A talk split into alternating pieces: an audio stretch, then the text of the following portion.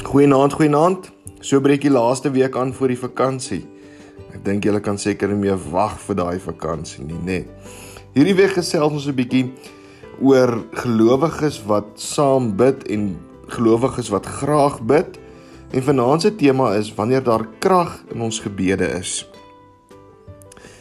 Wie van julle sal nie daarvan hou om op 'n seilboot sommer so te kan vaar nie. Dalk op 'n seilboot te gaan vaar na 'n luukse eiland toe of 'n of 'n of 'n nice plek.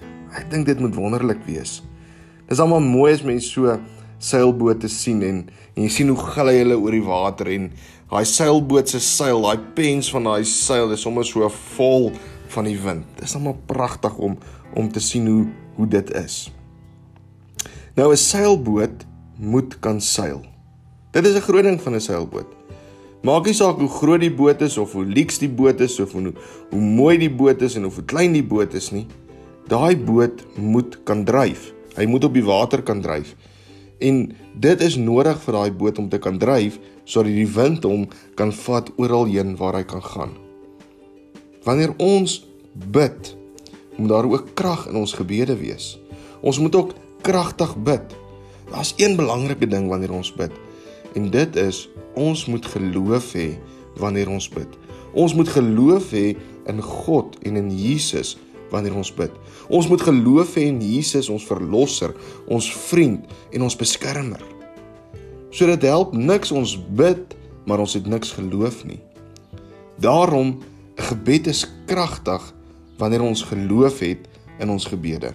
Kyk wat sê Jakobus 5 vers 16 sê gebed van 'n gelowige het 'n kragtige uitwerking. En dan blaai ons terug na Jakobus 1 vers 6 wat sê: "Maar 'n mens moet gelowig bid en nie twyfel nie, want iemand wat twyfel is soos 'n brander in die see wat deur die wind aangejaag word en heen en weer gedryf word." Daar's so drie vrae waar ons gaan gesels. Die een is: Hoe beskryf Jakobus mense se gebede wat nie op Jesus vertrou nie? Tweede een is: Vertel dalk van 'n keer toe dit vir jou gevoel het dat jou gebede word nie verhoor nie en toe later kom jy agter maar God het regtig jou gebede gehoor. En die derde een is waaroor mag ons nie twyfel wanneer dit by ons verhouding met Jesus kom nie. Iets wat julle kan gaan doen is julle kan dalk van mekaar vertel hoe Jesus al vir jou jou gebede verhoor het. Wat jy ook kan doen is gaan kyk hoe kan jy 'n 'n bootjie vou, sommer 'n 'n papierbootjie en sit dit net daar iewers in jou kamer neer en laat dit jou herinner dat ons het geloof nodig wanneer ons bid en wanneer ons met geloof bid dan is ons gebede kragtig kom ons bid Here dankie dat ons in geloof na U toe kan kom en kan weet dat wanneer ons glo en vertrou dat U wel ons gebede verhoor en dat ons gebede dan wel 'n kragtige en 'n magtige uitwerking het.